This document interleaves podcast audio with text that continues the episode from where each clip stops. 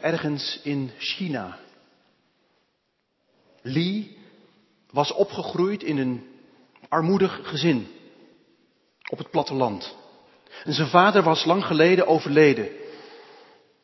En Lee was, toen hij een jaar of 18 was, naar de grote stad getrokken om daar zijn geluk te zoeken. Maar al snel was hij op het slechte pad beland en aan lager wal geraakt. En uiteindelijk met grote schulden achter de tralies gezet. En daar zou hij moeten blijven tot de laatste cent zou zijn betaald. En zijn moeder, ver weg van de grote stad, hoorde van zijn situatie. En zij heeft toen besloten om voor haar zoon te gaan werken. En ze was met haar fragiele lichaam naar de steengroeven gegaan aan de rand van het dorp. En daar kwam ze terecht tussen allemaal bonken van kerels. En heeft ze maandenlang gezwoegd en geploeterd, het zwaarste en het vuilste werk wat je je kunt voorstellen. Het werk was eigenlijk te zwaar. En haar fragiele lichaam protesteerde. Ze werd gekweld door hevige rugpijnen. En vaak kwam ze thuis, s'avonds, na een dag zwoegen in de steengroeven met bebloede en open handen en voeten. Maar steeds als ze eraan dacht om op te geven en af te haken, moest ze denken aan dat gezicht van Lee achter de tralies, daar in de gevangenis in de stad. En dan vond ze ergens toch weer de kracht om de volgende dag weer de gang te maken naar de steengroeven. Na maanden, na jaren van geploeter, had ze eindelijk het enorme bedrag bij elkaar. En ze heeft de volle losprijs voor haar zoon betaald en hem vrijgekocht. En Lee is toen met zijn moeder meegegaan en weer in zijn geboortedorp komen wonen. En hij is daar begonnen aan een heel nieuw leven. Ja, de Lee die terugkwam na al die jaren was echt een andere man geworden. En soms, soms kwamen zijn oude jeugdvrienden bij hem aankloppen. Of hij geen zin had om de bloemetjes weer eens buiten te zetten. En weer eens een gokje te wagen in het casino. Maar op die momenten moest Lee altijd denken aan al die littekens op de handen van zijn moeder en op haar voeten. Die hem herinnerden aan die eindeloos lange tijd, waarin zij alles voor hem had gegeven, tot bloedens toe. En dan schoot hij vaak vol en met tranen in zijn ogen zei hij, voor mijn, mijn vrijheid is betaald met het bloed, het zweet en de tranen van mijn eigen moeder. En uit respect daarvoor zal ik de rest van mijn leven in vrijheid, mijn vrijheid koesteren en niet bezoedelen. In zijn ogen stonden dan tranen, zei ik al. Tranen van berouw en spijt. Wat hij zijn moeder had aangedaan. Maar ook tranen van verwondering en dankbaarheid. Voor het feit dat zijn moeder die weg voor hem was gegaan. En alles, alles had gegeven om hem vrij te maken. En nu had Lie zich voorgenomen, zal ik alles, alles geven om mijn moeder lief te hebben en haar in alles te dienen. Die tranen in die ogen van Lee, dat zijn dezelfde tranen die we tegenkomen in Lucas 7. Bij die vrouw. Die vrouw waarvan iedereen zei dat ze een zondares was. En ik denk dat ze het was. Wellicht was ze een vrouw van lichte zeden en bood ze haar lichaam aan voor geld. Ze was gewend aan de blikken van mannen. Ogen vol lust. Maar ze was ook gewend aan de blikken van de andere mensen. Ogen vol minachting en plaatsvervangende schaamte. En toen op een dag moet ze Jezus hebben ontmoet. En in zijn ogen heeft ze iets anders gelezen. Geen oordeel, maar enkel compassie en vriendelijke, vergevende liefde. Ontferming over alles wat ze met zich meedroeg. Aan schaamte, aan schuld, aan verkeerde afslagen, aan foute beslissingen, aan ongelukkige keuzes. En het is deze vrouw die aanwezig is geweest toen Jezus binnenkwam bij Simon de Fariseer. En ze heeft gezien hoe afstandelijk, hoe koel en kil Jezus werd ontvangen door de gastheer van deze maaltijd. Simon, hij had Jezus uitgenodigd om te komen. Maar in plaats van hem bij zijn binnenkomst gastvrij, hartelijk en respectvol te ontvangen, is er niemand die Jezus vuile voeten wast. Hij moet met vuile voeten aan tafel. Haram, zou men zeggen in het Arabisch. Shame on you, schande, onfatsoenlijk. Er is ook geen gebruikelijke kus. En er is geen olie om Jezus handen, zijn gezicht mee te zalven. In termen van de Oosterse eer- en schaamtecultuur niets minder dan een publieke vernedering. Kil, pijnlijk, gênant en vooral beschamend. En het is deze vrouw die daarbij staat en het ziet, die dit aanvoelt. Hoe kan zoveel goedheid en zoveel liefde in deze man beantwoord worden met zoveel reserves, zoveel kilheid, zoveel afstand? De vrouw moet hier iets hebben aangevoeld en ingeleefd van de weg die deze man vol liefde voor zich zou hebben. Van afwijzing, van vernedering en van schande. Je zou kunnen zeggen, over dit verhaal valt al langzaam de schaduw van het kruis. Of beter gezegd, in Jezus ziet deze vrouw al iets oplichten van een kruisdrager, van een man die het allemaal doorstaat en het huis binnengaat en zich al die vernedering en afwijzing en reserves laat overkomen en er niet voor terugschrikt. En dan besluit zij om Jezus alsnog de waardige ontvangst te geven die hij verdient. Om water vragen heeft geen zin, Simon zal het hem niet geven. Maar er zijn tranen. En met die tranen maakt ze Jezus voeten nat.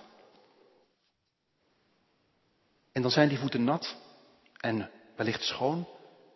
En dan zou ze haar gewaad kunnen gebruiken. Haar eigen gewaad om Jezus voeten droog te maken. Maar ze besluit om iets heel anders te doen. Iets wat geen vrouw in het oosten, oosten ooit zal doen. Ze maakt haar lange haren los. En met haar lange haren wrijft ze Jezus voeten teder schoon. In de Oosterse cultuur zal een vrouw alleen haar lange haar loslaten en laten zien aan haar eigen man. En door dit te doen in het openbaar maakt deze mevrouw een helder statement. Dit is mijn geliefde. En mensen houden hun adem in, ongehoord, nog nooit zoiets gezien. Een zaal vol mannen. En die vrouw die het haar zo loslaat. Wat een krachtig gebaar. Ze houdt niets terug en ze heeft geen schaamte. En ze geeft zich helemaal. En alsof dat nog niet genoeg is, kust ze Jezus voeten. En neemt ze een flesje met kostbare olie, wat ze wellicht aan haar hals heeft hangen.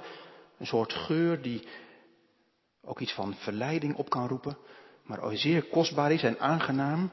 En ze giet die olie niet over Jezus handen, waar het eigenlijk voor bedoeld is, in zijn wangen, want hij ligt aan een tafel. Ze kan niet bij zijn hoofd, maar dan besluit ze dan zijn voeten maar. En ze buigt zich over zijn voeten en wrijft Jezus voeten in met zeer kostbare zalfolie. Olijfolie zou genoeg zijn geweest. Maar deze vrouw doet veel meer dan wat genoeg is. En ze maakt Simon en al zijn vrienden te schande en laat in alles zien hoe zielsveel ze van deze man houdt. En wat dan treffend is, is hoe Jezus hierop reageert. Kijk, je zou je kunnen voorstellen dat hij deze vrouw zou hebben afgeremd.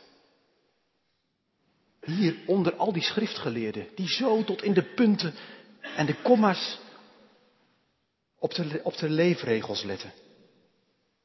Zal haar vrijpostigheid, haar vrijmoedigheid hem niet in diskrediet brengen?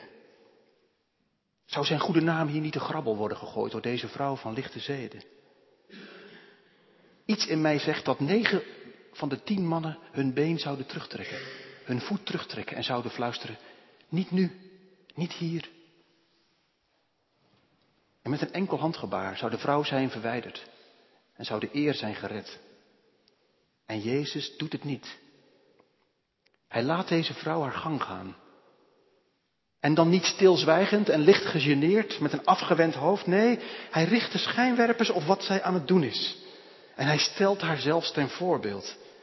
In de manier waarop ze zonder schroom en zonder enige terughoudendheid zich volledig toewijdt aan haar Heer. En alles, ja alles geeft aan Hem. Die ook alles, alles zal geven voor haar. Ik vind het ook bijzonder hoe Jezus reageert op Simon. Vanaf de eerste stap in dit huis heeft Jezus het natuurlijk aangevoeld. Dat hij hier niet zo welkom was. Hij heeft de koele afstandelijkheid gemerkt. En hij had ervoor kunnen kiezen om te zeggen, joh, als jij niet zo op mij zit te wachten, dan ga ik toch lekker ergens anders naartoe. Ik heb zat plekken waar mensen wel op me zitten te wachten. Ik ga mijn tijd hier niet zitten verspelen. Doet hij niet. Jezus gaat het huis binnen en gaat aan tafel zitten. En laat al die kilheid en afstandelijkheid en vernedering gebeuren. En schuift aan bij Simon aan tafel. En als die vrouw hem dan heeft geëerd en verwelkomd, dan opent hij het gesprek met Simon met dat indringende zinnetje, Simon, ik heb je wat te zeggen. Simon, ik heb je iets te zeggen. Weet jij dat er een verschil is in liefhebben? Weet je dat er een verschil is in mate van liefhebben? En dat de mate waarin je lief hebt te maken heeft met de mate waarin je vergeving hebt ontvangen? En dat de mate waarin je vergeving hebt ontvangen afhankelijk is van de mate waarin je je eigen tekorten ziet, je falen, je zonde, je schuld. Simon, ik heb je iets te zeggen. Weet jij wel wie jij bent in de ogen van God? Weet jij wel hoe ver God wil gaan om ook jouw hart terug te winnen en jouw zonde en tekorten te vergeven en je weer tot je bestemming te brengen? Beste vrienden, in zo'n verhaal is natuurlijk vooral de vraag voor u en voor jou vanavond, waar vinden we onszelf in dit verhaal? Ik zou zeggen, laten we Simon niet te ver weg zoeken. Hij heeft niks tegen Jezus. Hij heeft er wel iets mee. En hij komt op zondagavond best wel eens in de kerk. Hij doet er wel iets aan. Maar het moet ook niet te veel kosten. Hij nodigt Jezus wel uit. En hij wil kennelijk wel iets met hem hebben. Maar hij houdt tegelijkertijd iets terug. Hij zoekt wel en hij verlangt wel. Maar hij verstopt zich ook en hij ontwijkt het. Hij wil wel iets aanbieden en geven. Maar als het erop aankomt, houdt hij ook zoveel achter de hand. Een beetje van Jezus en een beetje van mezelf. Niet koud, niet warm, maar lauw. Ik waar? Waar zit u? Waar zit jij in dit verhaal? Kom je Simon soms tegen bij jezelf? Dat je het allemaal wel best vindt zo? En laten we ook die vrouw niet te ver bij ons vandaan op een voetstuk zetten. Wauw, wat bijzonder, wat een passie, wat een toewijding. Ze lijkt op Lee. Ze lijkt op Lee, die lang niet alles goed deed in zijn leven, maar zo diep, diep geraakt was door wat zijn moeder voor hem had overgehad, dat hij keer op keer besloot om die liefde niet onbeantwoord te laten en zijn leven helemaal aan haar te wijden. En die mogelijkheid heb jij elk, elke dag en ik. Ook wij kunnen elke dag in alle eerlijkheid zeggen, Heer, tot uw dienst. Ik realiseer me wat u voor mij over hebt gehad. Dat u niets terughield, maar alles gaf. Dan wil ik van mijn kant ook niet zuinig zijn. En u proberen alles te geven. Neem mijn leven, laat het Heer, toegewijd zijn aan uw eer. Iedere dag. Ook maandagmorgen, op school, op de werkplek, onderweg naar school, in je buurt, in je vrije tijd, in de politiek, in de gemeente. En waar je ook maar je rol mag vervullen. U kent wellicht de film Saving Private Ryan. Is een film over de Tweede Wereldoorlog. En hij vertelt het verhaal van een groep soldaten die vanuit Amerika worden ingevlogen in Normandië om in die helse slag bij Normandië het slagveld in te gaan en daar één soldaat, James Ryan, uit de oorlog weg te halen. Levensgevaarlijke missie, maar James Ryan heeft een moeder in Amerika en die heeft al twee zonen verloren.